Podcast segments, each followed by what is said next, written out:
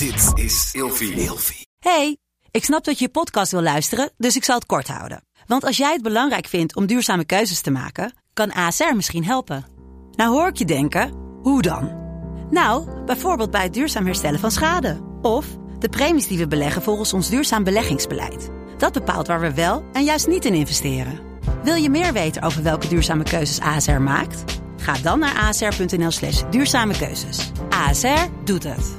Zo, dan kan je nu lekker naar je podcast luisteren. Nee, maar ik heb wel echt één persoon gehad die echt de raarste dingen op TikTok, op Instagram, op, op Snapchat zie ik dat af en toe voorbij komen. Die echt zegt, maakt niet uit wat ik moet doen. En dit zegt hij echt vaak.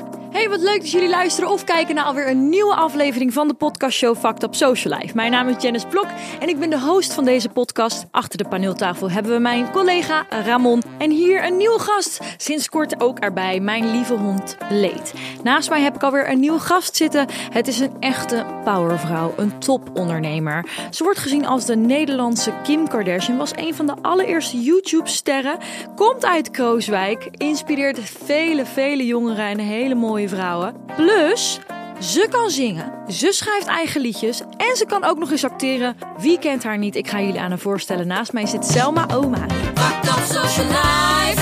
Fucked up social life. Fucked up social life. Fucked up social life. Dit is Janice met de Fucked up social life show.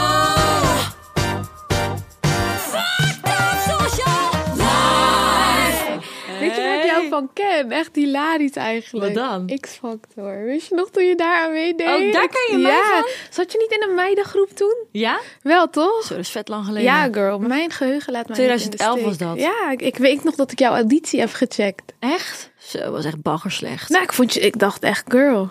Joh, ik, eh, voor de mensen die alleen maar luisteren, we hebben Bleed hier op tafel liggen. En hij is helemaal verliefd op Selma, joh.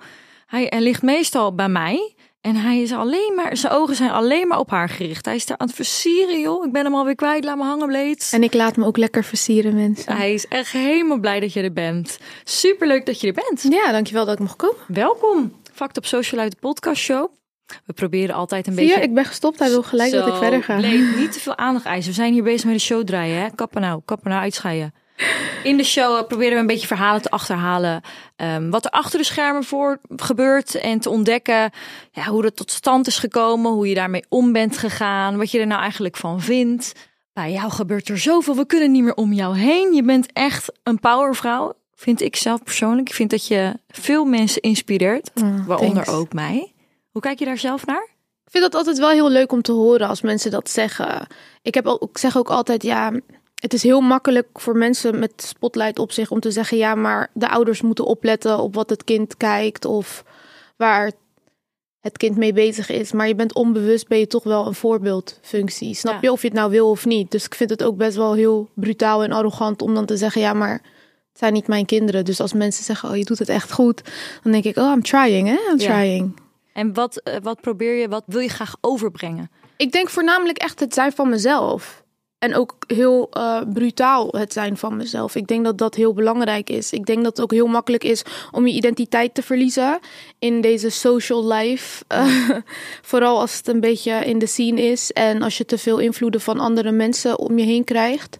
Ik ben gewoon unapologetically myself. Dat is ook waar je mij mee inspireert. Eh, ik zie af en toe wat voorbij komen. Ik vind het best pittig. Ik had je gisteren natuurlijk aan de telefoon. En toen, eh, toen zei ik tegen je, nou, ik wil het morgen met je hebben over, over alles wat je over je heen krijgt. En toen zei je, ja, maar wat krijg ik dan over mij heen? Ja, En toen dacht ik, hè? In mij, ik krijg ook best wel wat negatieve comments.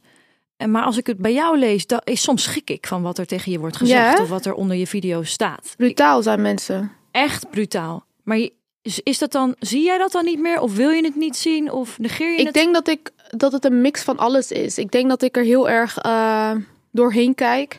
Ik bedoel, deze mensen kennen mij niet. Ze, Ja. ze lezen en willen lezen wat ze zien. En ze interpreteren dat ook precies hoe zij dat willen. Dus op een gegeven moment denk ik, ja, ik ga je niet eens... Ik, ik word niet eens boos hierom. Ik, oké, is goed. Wat wil je zeggen? Dat ik een hoer ben? Oké, dan ben ik een hoer. Je bent er gewoon een beetje eigenlijk aan gewend Snap je? geraakt. Het is gewoon...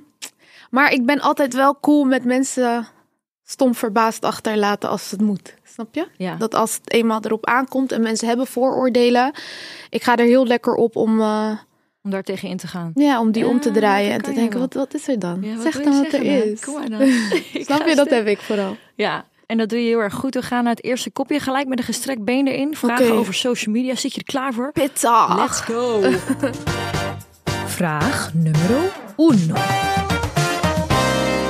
Post en beantwoord jij alles zelf op social media of doet, doet iemand anders dat voor je? Nee, ik post en eh, antwoord alles zelf. Want ik keek even naar jouw likes. Ja. What the fuck? Ja, leuk hè? Ik weet gewoon 50.000 likes, eh, honderden reacties. Ja. Ik heb iemand die mij helpt met social media. Ik kan me niet voorstellen hoe dat dan voor jou is. Niet, ik vind social media vind ik echt een, eh, een chill place. Ik kom en ga wanneer ik wil. Eh, het is in- en uitklokken wanneer ik wil. Mijn laatste, mijn minst aantal minuten op mijn telefoon is ook altijd social media.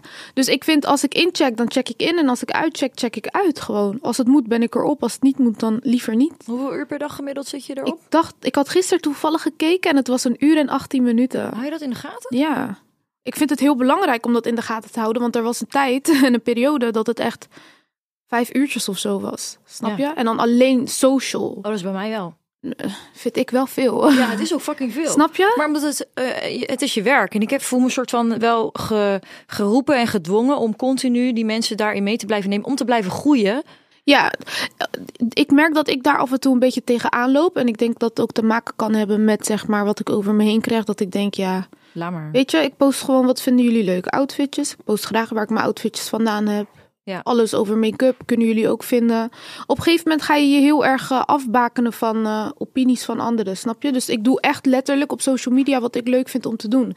En ook af en toe is het een uitlaatklep. Ja. Ook- Dan laat ik mezelf uit. Ja, want als iemand. eh, je zegt ik, ik doe heel veel wat ik zelf wil. Als je dan bijvoorbeeld heel veel feedback krijgt over we willen meer dit zien, ga je daar dan wel in mee? Ik probeer dat wel, alleen ik moet ook aan mijn eigen rust denken, denk ik soms. ja, ja. Snap je? En als ik gewoon een week of twee, drie weken niet wil posten, dan doe ik dat niet. Maar ik probeer wel altijd up-to-date te blijven met mijn stories. Ja.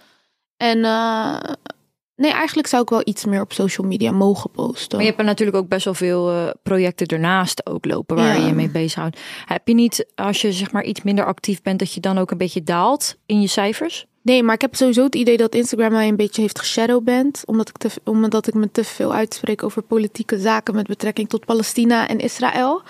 Uh, maar het mo- demotiveert me niet of zo. Ben nog steeds als daar. je zakt in je volgers. Ja, ik, oh ja. Of je, of je cijfers. ik weet niet, het valt wel mee eigenlijk bij mij, heb Ja? ik het idee. Ik heb wel als ik eh, een paar dagen niks post, dat het gewoon of een beetje zakt of stil ligt. Misschien dat het aantal volgers een beetje minder gaat, maar dan merk ik wel als ik weer post, dan is het er weer, snap Ja, je? Dus het is ook ook. een veel grotere hoeveelheid natuurlijk. Ja, Dus misschien dat het dan ook ik let daar ook niet echt op. Maar ik, het, klopt, het kan wel kloppen wat je zegt, toch? En wat bedoel je met shadowband voor de mensen die niet zo heel veel Eh, verstand hebben van social media? Althans niet echt, want als ik naar mijn cijfers kijk, dan is dat niet zo. Maar het, toch mijn gevoel zegt dat ik echt op de bloklist een beetje sta bij Instagram. dat ze jou een beetje beperken. Ja, een tijdje wel, man. Toen ik over Palestina heel veel ging posten, zeide iemand, stuurde mij toen een paar mensen stuurden mij DM. Selma, als ik je nu opzoek in de zoekpalm, dan sta je er niet. En het is echt raar, ik moet heel je naam intikken. En toen dacht ik, ah, so this is how they want to keep you quiet. Maar dat levert je geen stress op. Nee, Nee. dan niet. Ja, social media is niet alles, toch? Ik heb andere kwaliteiten. Ik heb altijd gezegd, ik kan de sales in, ik kan zoveel met mezelf. Ja, je bent heel allround. Ja. Maar Toch over het algemeen, de meeste mensen die aan tafel hier komen, die voelen toch soort van een beetje die social druk. Jij ervaart dat gewoon helemaal niet. Nee, Chill man. anders trouw ik gewoon met een rijke man. Dat zeg ik ook altijd. Ah, vind ik toch gewoon een rijke vent. Ja, boeien. We fixen het gewoon. We gaan door met vraag 2. heb je het idee dat je volgers jou echt kennen? Of kennen ze vooral jouw merknaam Selma Omari? Ik denk de mensen die mij oprecht volgen, dat ze me wel echt kennen. Want anders ga je iemand ook niet volgen, toch? Lijkt mij. Ik volg alleen maar mensen die ik echt ook. Waar ik over, als ik met ze zit, dat ik een beetje over hun achtergrond mee kan praten. Over wat ze doen. Ik vind dat heel belangrijk, anders ga ik niet iemand volgen. Dus ik hoop het wel. Ik, ik heb het idee dat ik een hele specifieke doelgroep heb. Die mij kent, ik ken hun. Ja. En we gaan wel oké samen, heb ik het idee. Maar ik bedoel denk ik de vraag anders. Meestal delen wij iets van 50 tot 80 procent van ons leven op social media. Waardoor mensen eigenlijk vrijwel snel denken je te kennen. En een mening over je durven te vormen. Mm. En 9 van de 10 keer daar ook naast zitten. Als het om kritiek gaat. Ik denk dat het bij mij 50-50 is.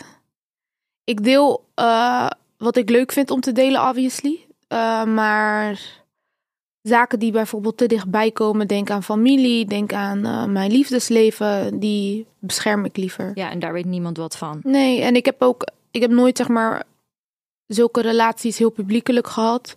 Tot een paar jaar geleden en ik werd daar niet gelukkig van. Dus waarom zou ik dat nu wel weer doen, snap je? Dus gewoon lekker rustig. Dat werkt voor mij. Vraag nummer drie. Heb je wel eens een promotie geweigerd omdat zij te weinig budget hadden? Terwijl het wel een maatschappelijk verantwoord onderwerp was. En je dan bijvoorbeeld toch dacht, ah shit, ik had het eigenlijk wel moeten doen. Nee, eigenlijk nooit. Ik doe alles wat ik leuk vind. Sterker nog, management zegt vaak, ja, Marcel, het budget is niet wat jij waard bent. En dan zeg ik, ja, maar ik vind het nog steeds tof om te doen, dus ik doe het liever. Maar ik heb wel eens iets geweigerd wat ik ethisch onverantwoord vond. Ik was gevraagd eh, voor Qatar om eh, voor de WK als influencer naar Qatar te gaan. En dat heb ik wel geweigerd. En wat wilden ze dan dat je daar ging doen? Ja, gewoon vier dagen Qatar en een WK-wedstrijd. En alles was dan op Qatar. Ook Wacht wel- even, wat is Qatar? Qatar is een land, gek, naast Dubai. Oh, maar gewoon daarheen vliegen? Oh, Ja. toch een of ander evenement of zo? Nee. Wat hebben het nou over? Gewoon het land en daarheen gaan en daar chillen. Ja, in principe wel. En voor wie moest je dan promoten? Voor, Voor, de? Qatar. Oh, Nee, gewoon echt voor het land gewoon. Hè, wow. Ja. Zo, maar wel een big deal. ja, was wel cool. Het land Qatar vraagt zelf of jij dus hun wil promoten. Tijdens de WK. Nou, ja. wat vet. Maar toch dacht je, nee, ik ga het niet doen. Nee, want het was ook heel veel een opspraak geweest met zeg maar hoe de arbeiders, eh, weet je, tot hun dood kwamen. Ah, dat, ja, dat alle omstandigheden als het ging om werk niet correct was. Kijk, ik weet dat het in meerdere landen gebeurt, maar ja, als het zo op de spotlight Ja. wordt geschenen op je, ja, dan liever mezelf ervan distancieren. Ja, dus je bekijkt wel per, Ja. per campagne. Maar ook gewoon hoe ik me voel erbij, snap je? Ja. Sommige dingen vind ik cool, andere niet. Maar dat is ook, ook belangrijk, want soms zie ik dat mensen dingen promoten. En dan denk ik echt, dit, dit is nep. Dit, je ziet het aan. Ja, maar kijk, waar we niet. eh, Ik, dat, ik vind dat een heel dunne lijn. Want af en toe heb je ook gewoon hele commerciële merken die eh, met je willen werken. En waarom zou je dat dan niet doen? Kijk, het is niet dat jij bijvoorbeeld niet achter het merk staat. Maar dan denk je, oh leuk. Het is wel een commercieel merk. Het budget is goed.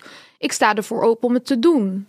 Maar zou je ook met een merk samen willen werken die een bepaald pro- product eh, wil dat jij promoot, zonder dat jij het ooit zou gebruiken? Nee, dat vind ik echt moeilijk. Dat heb ik Nee, dus. dat vind ik echt lastig. Maar dan kan je het ook niet promoten zoals je het zou moeten Dat promoten. bedoel ik. Dan is het zo nep. En dan kijk je naar die influencer en dan denk je, jij bent nu echt iets aan het verkopen om te verkopen, terwijl Ah, je ja. het zelf helemaal niet Maar gebruikt. daarom is het heel vaak tof om met merken op langere termijn samen te werken. Snap je? Dan kan je een vooruitzicht hebben op een, bijvoorbeeld een kwartaalplanning of een halfjaarplanning. Ja. En dan ga je ook meer eh, verbinden met het product van het merk zelf. Ja, Snap je? precies. En ik denk dat dat meer een organische manier van overbrengen is tot je doelgroep. Dus je wilt het gewoon ook wel gewoon echt dicht bij jezelf houden. Ja, vind ik wel. Dus ik, ik ga altijd uit van wat langere, op langere termijn samenwerkingen. Ja. Ik vind dat altijd wel leuker en Ook organischer. Qua financiën vind ik dat altijd wel prettig als je gewoon een vooruitzicht hebt en ook gewoon ook een, voor een half jaar weet waar je aan toe bent. Ja. Dat vind ik juist het chillen Ja, dat is top eigenlijk. Oké, dat wagen ze. De social vragen. We eh, Lightweight, lightweight. Ja, ik wel mee, ik wel mee. Ehm, we gaan een klein stukje geschiedenis. Want jij komt uit Krooswijk. Meisje uit Krooswijk. Meisje uit Krooswijk. Eh, ik zei het net al voordat de show begon. Ik wist dat gewoon helemaal niet. Het staat Bizar, overal. want ik loop er overal mee te koop. Ja, hallo. Selma uit Rotterdam. Gelijk die connectie. Oké. Ik kom zelf ook uit 010. Rotterdam. kom je daar nog wel eens? Ik woon in Rotterdam. Je woont daar. maar in Meid, je Krooswijk zelf. Nee, dat niet. Ik Ja, woon nu in het ik. centrum, maar mijn moeder woont nog in Krooswijk, dus ik ben vaak in Krooswijk. waar woon je nu dan? Ik woon in het centrum. Echt Wat hartje centrum. Oké, Ja. allang. Je Eh, twee jaar nu. Oké, maar je was wel weggegaan, toch? Eh, nee, ik had eigenlijk toen met mijn relatie was ik heel vaak in Haarlem af en toe. En eh, toen dat voorbij is, ging ik rustig weer terug Ja. bij het kamertje, in mijn kamertje bij mijn moeder. En toen ging ik nog even sparen en toen dacht ik, ik ga lekker op mezelf. En dat Ja. is nu twee jaar inmiddels. Ja, Rotterdam is toch wel echt onze stad. Hè? Ja, ik hou er. Ik, gisteren zei ik toevallig nog, eh, ik reed van België reed naar binnen en ik zag zo Euromast en die skyline vanuit Maas Boulevard en ik dacht, wauw, het Ja. is toch anders. Ik heb ook in mijn- vorige relatie eventjes in Amsterdam gewoond. Hoe En- vond je dat? Ik zit erover na te denken om naar Amsterdam te verhuizen, misschien voor een dan. jaar. Run, run for hills. Nee, want ik eh, vond het op dat moment wel leuk. Maar op het moment dat het weer op mezelf aankwam, Ja. dan is toch wel Wil je naar het oude plek- vertrouwde? Ja. Ja. ik snap dat ook wel. Gewoon ook gewoon alles wat je kent, de mensen om je heen. Mijn familie en vrienden zijn ook hier, dus dat helpt Mhm. natuurlijk ook heel erg mee. Als dat in Amsterdam was geweest, wa- was misschien een ander verhaal. Maar toch is Rotterdam wel echt de place to be. thuiskomen. Iedereen verklaart me altijd voor gek, maar jij begrijpt mij wel. Ik snap wat je zegt. Maar het is niet de place to be, het is de place to your heart. Ja. Het is anders. Want de place, to, be, place to be. Ja? Ja. ja? ook althans als je kijkt op werk en zo. Merk je niet dat je heel vaak in Amsterdam moet zijn? Ja, dat wel. Toch wel? Maar ja, als wonen, echt als, als je basis, als je thuis, Ja. dat is toch wel echt eh, Nee, ik hoor je. Rotterdam. snap wat je zegt. Ik vind het ook altijd lekker om terug te trekken naar Rotterdam. Ja. Dat ik al die gekke shit in Maar Amsterdam kom je nog kan laten. Ja, mijn moeder woont daar, dus ik zie haar best wel om de dag of zo. En dan Kan je, word je dan eh, veel aangesproken op straat? Kan jij nog wel normaal over straat? Jawel, Ja. in Rotterdam. Rotterdam is echt... eh, ik weet niet, ik hou van Rotterdam. Ik ben echt een meisje van de stad, lijkt Ja. Lijkt is gewoon zo. Dus ik heb het idee, Rotterdam is het altijd gezellig een praatje maken. Mensen komen naar je toe. Ja.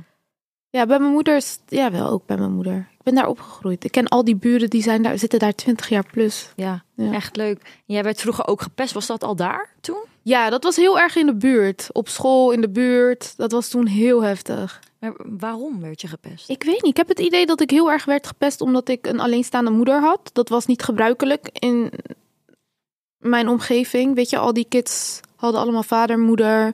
Was ook niet normaal dat een Marokkaanse vrouw was gescheiden. Mijn moeder werkte ook altijd. Iedereen had daar altijd vooroordelen op of zo. En eh, dan werd ik maar, ik weet niet, ik heb het idee dat ik een hele makkelijke zondebok was. Was je toen al... Hebben kinderen eigenlijk een reden om te pesten, denk ik nu? Ja, dat is ook zo. Eh, Ze pesten soms om te pesten. En zeker als je, als je wat kwetsbaarder Ja. bent op dat moment. Ik denk dat ik ook gewoon heel erg onzeker was in het feit dat het bij ons thuis anders altijd was. En dat ik een hele aparte achternaam had, bijvoorbeeld. Ik zat echt met super Marokkaanse kinderen in de klas die hele Marokkaanse achternamen hadden. En ik kom daar met Omari. Het was zo raar of zo. Ja, dat is... Dat is... Het is wel een Arabische achternaam, maar dat, zijn, dat is bijvoorbeeld een voorbeeld van iets waarmee ik gepest werd. Oké. Wat raar. Toch? Het helemaal geen rare achternaam of zo. Ja, ik denk juist omdat het zeg maar anders was dan de rest van de achternamen. En heeft dat je gevormd tot de persoon die je nu bent? Of is dat in een later stadium pas gekomen? Het beste bedoel je? Ja. Ja, ik denk dat dat rond na de brugklas, denk ik dat dat was. Dat ik echt dacht, oké, bijt van je af. Hoe dan? Hoe dan? Je hebt zo'n grote bek thuis. Ja. Maar buiten durf je niet. En toen dacht ik, fuck al deze mensen. Toen ging ik echt naar mensen kijken, dacht ik, jij, ga jij, ga jij iets over mij zeggen? Kom, ga ik iets over jou zeggen? Klaar. Ik ben nooit eigenlijk zelf de pester geweest. Uh, maar ik was wel pittig op een gegeven moment. Ja, dit is echt heel grappig, want ik was dus vroeger de pester. Echt? Ja. Oh. En niet zozeer dat ik iemand zou pesten met haha, je hebt een lelijke achternaam. Nee, maar meer een plager, denk ik, was bij jou. gewoon degene die bepaalde hoe het moest. En Ah. ik was degene die zeg maar de groep achter me had staan. En jij mag eruit en jij mag erin. Oh, je was een soort mean girl. Regina Ja, ik was een George. klein beetje de 2.0. mean girl. Wat? Ja, heel Oké. gek. Dus jij hebt een soort van aan de andere kant gestaan. Ja. En als ik, als ik dan ook denk en nu de vraag aan jou stel, waarom pesten vroeger mensen jou? Dan vraag ik die vraag, stel ik die vraag eigenlijk ook gelijk aan mezelf. Ik kan het me niet meer herinneren waarom ik dat deed. Nee, maar ik dacht, ik denk ook bij mezelf. Kids hebben ook niet echt een reden om te pesten. Ik denk dat het ook een, een bepaalde onzekerheid is vanuit eh, omgeving soms of een bepaalde groepsdruk. Snap je dat je denkt van ik moet iets zeggen? Dat heb ik ook wel eens gehad. Terwijl als die persoon dan alleen was, waren ze super lief. Ik weet niet, ik heb, ik heb het idee dat mensen niet echt een reden hebben om te pesten. beetje machtspositie of zo. Je wilt populair zijn, je wilt gehoord en gezien worden. En dan ga je maar een beetje die big girl spelen en dan hopen dat Ja. iedereen achter jou komt staan wie de grootste bek heeft. Ja, daar worden andere mensen wat, wat meer bang van, wat meer kwetsbaarder van. Ja, maar ik heb dus toen ik 14, 15 was, heb ik geleerd dat het niet gaat om wie de grootste bek heeft, maar wie de hardste klap kan uitdelen. ja. En toen eh, dacht ik, ja, wie nu mij gaat pesten, krijgt hem gewoon. En op het het. moment dat je die switch maakt, Ik ben ik niet meer gepest, schat. bizar is dat, hè? Ja. Dus het gaat er ook gewoon om wat je houding zelf is en hoe je jezelf opstelt tegenover anderen. Ik had wel zoiets van, je kon me altijd wel pesten, maar als het aankwam op van, oké, wat nu? Ik, was, ik stond wel altijd voor mezelf in. Ja. En dat zal ik tot op de dag van vandaag, zal ik dat nog steeds blijven. Ja, daar heb je wel gelijk in. En deze houding en, en, en gedachten wijze heb ik ook heel veel gezien in jouw documentaire. Ik heb hem eventjes gekeken. Ik vond hem echt heel vet. Thanks. En eh, ik heb daar echt een andere kant van, van jou gezien. Wat ik eigenlijk eh, ik heb gewoon heel veel, heel veel boosheid voornamelijk ook gezien Ja. in heel veel filmpjes. En in jouw documentaire zag ik in één keer een hele andere kant. Met je, met je familie. En wat mij heel erg is bij blijven hangen is dat jij ook op een gegeven moment zei van... eh, ik werk niet voor mezelf. Ik werk en doe zo hard mijn best voor mijn familie. En ook, je steunt ze ook financieel. En je zei van, weet je, als ik, ik ben bang om te falen, want als ik faal, dan falen zij eigenlijk ook. Of dan neem je ze daarin mee. En dat vond ik echt eh, heel bijzonder eigenlijk. Thanks. Ja, Waardeer ik. Ik word helemaal klein als je het daarover gaat hebben. Ja, ik weet niet. maakt het je emotioneel? Weet je wel. Weet je wel. Ik vind die docu vind ik meer een rapportage in plaats van een docu. En het heeft eh, heel erg een spiegel voor mezelf doen laten houden. En ik heb gewoon heel erg goed gereflecteerd. En ik zag ook bepaalde stukjes waarin ik heel veel woede had. En dat moest ik gewoon beheersen. En ik moest ook ontdekken waar dat nog vandaan kwam. Snap je? Eh, het stukje oneerlijkheid op deze wereld is iets wat mij gewoon eh, grote zorgen baart. En af en toe heb ik te veel emotie als het om bepaalde onderwerpen gaat. En dan spreek ik mij op een manier uit die af en toe best wel agressief over kan komen. Maar mijn intenties zijn altijd correct. Ehm, en met betrekking tot fa- mijn familie, dat is het stukje tedernis. Snap je? Ja. En eh, dat wil ik waarborgen voor lijf. ja, in je docu en ook weer nu, op het moment dat het woord familie valt, is het gewoon, is het gewoon een heel ander persoon in één keer. En dat is echt eh, heel mooi om te zien eigenlijk. Is dat ook vanaf begin, vanaf dag één, zeg maar, je insteek geweest? Dat je dacht, ik ga dit doen om mijn familie te helpen? Ik dacht gewoon, ik ga, het, ik ga het laten lukken. Dat is wat ik dacht. Ik dacht, ik ga dit gewoon laten lukken en dit gaat me lukken ook. Natuurlijk, ja, je ziet je ouders struggelen. Je, ziet, je wil een beter leven dan dat je hebt. Snap je? Dus waarom niet? Reach. Ze zeggen, aim for the stars, reach for the moon. Of andersom, iets in ieder geval. Die trans. Ik vind het echt heel tof om te zien. eh. je hebt ook wel, hoe, hoe is in jouw ogen de documentaire ontvangen? super positief. Ja, ook van de NPO mogen horen dat, dat ze super blij waren ermee. Dus dat is alleen maar leuk om te horen. Want het is echt een portret geweest van wie ik op dat moment in mijn leven ben. Ja. En eh, ik denk dat we dat heel goed hebben kunnen verfilmd en kunnen weerleggen aan de kijkers. En daar ben ik heel blij mee, want wat je daar echt zag is Selma. Ja. De, de pittigheid in mij, de brutaliteit in mij, maar tegelijkertijd ook wel de, de smoothness. Gewoon chill met mijn vrienden, de emotionele kant, snap je? De liefdevolle kant. De businesswoman, Je alles hebt een beetje alles kunnen meekrijgen, ja. Eh, ik zag wel nog online eh, wat kritiek over het feit dat je had, eh, zeg je, releasen? Zeg je dat zo? Je het uit had gebracht Oh ja? tijdens Ramadan. Ja? Ja, er stond eh, echt onder de video talloze dingen. Niet normaal dat je dit uitbrengt tijdens de Ramadan. Heb je dat zelf meegekregen?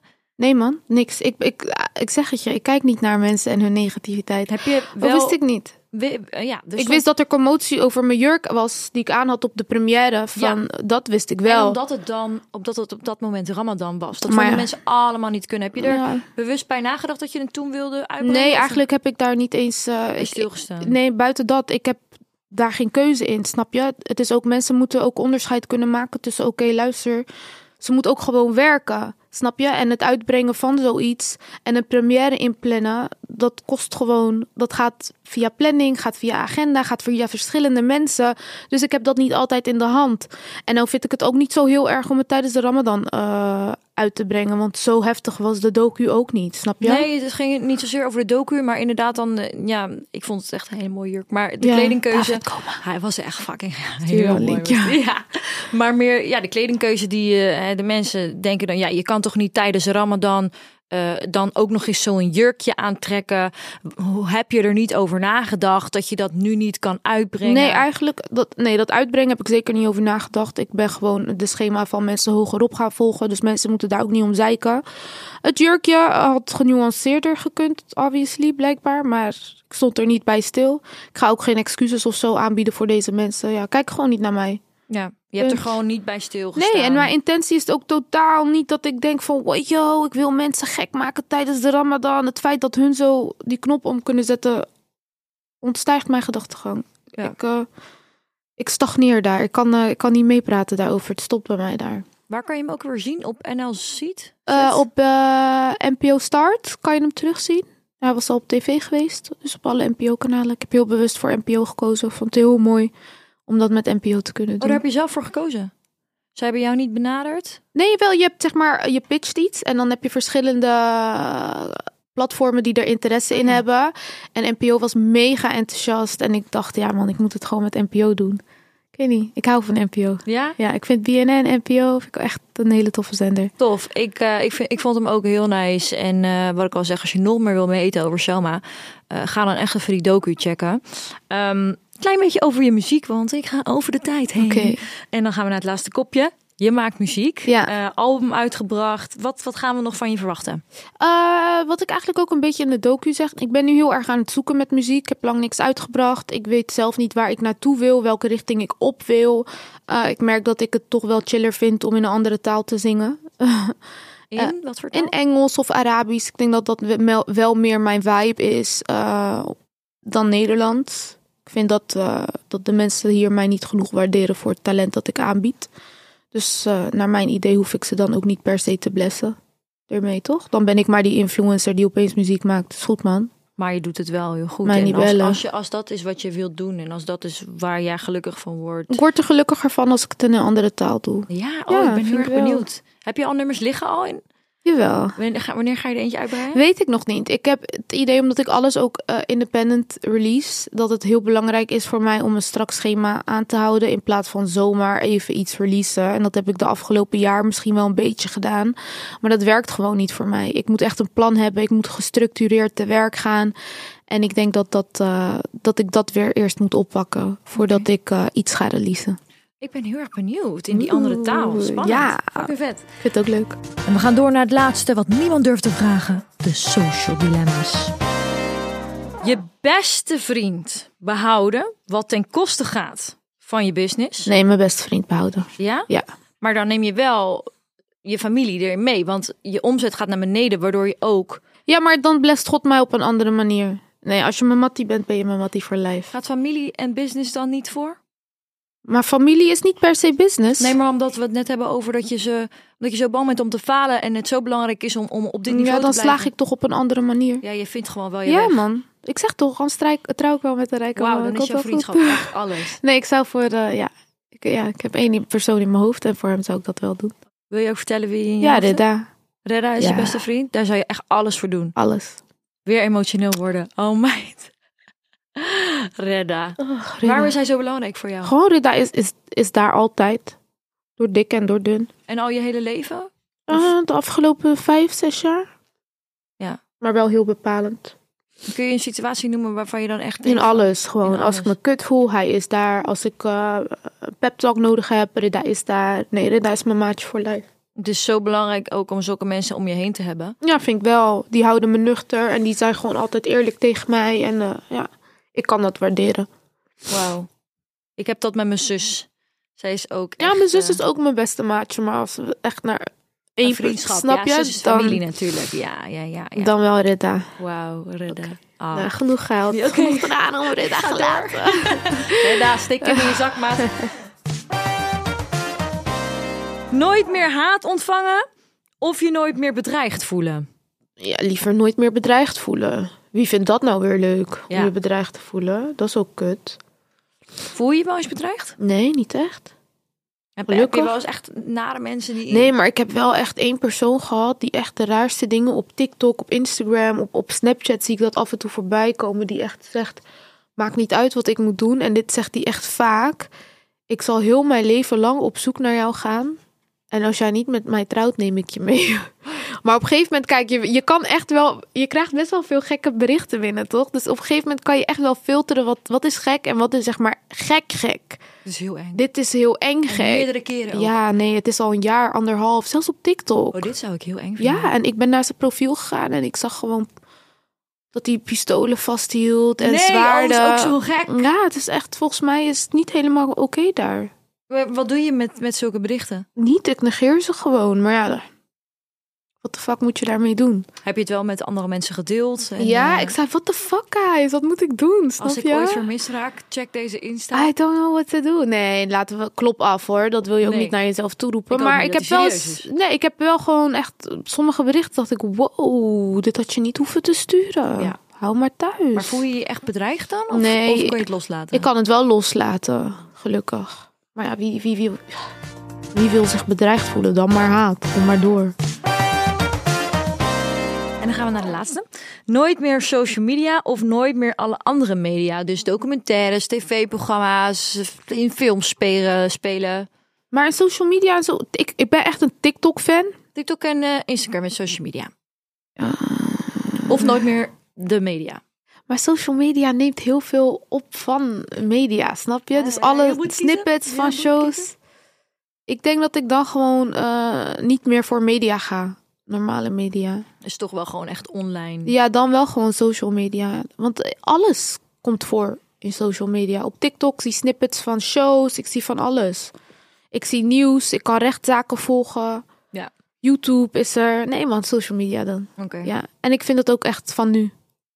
Alles, alles Traditionele van, media wordt steeds minder en minder en minder en minder. alles verplaatst naar online. Ja, nee, ik ga voor online. Oké, dat was hem. Ja, was gezellig. Ja, was leuk. Lekker kletsen. Heel veel emoties op. Daar, boze. Wie, wat?